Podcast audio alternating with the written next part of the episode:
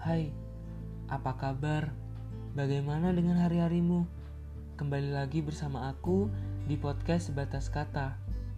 Kali ini di episode 6 aku akan bahas tentang harapan hidup. BTW, harapan kalian sudah tersampaikan kan? Atau mungkin belum menyampaikan?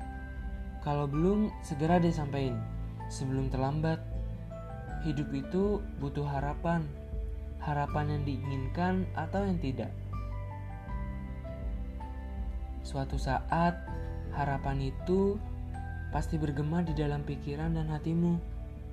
Sabar jika kamu sudah meminta namun belum terwujud. Yakinlah, setiap harapan pasti akan terwujudkan. Tapi pada waktu yang tepat, jangan berhenti meminta harapan ya.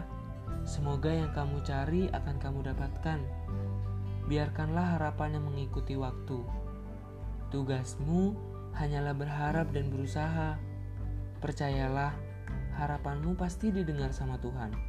Jangan pasrah, terus mencoba hingga waktunya tiba.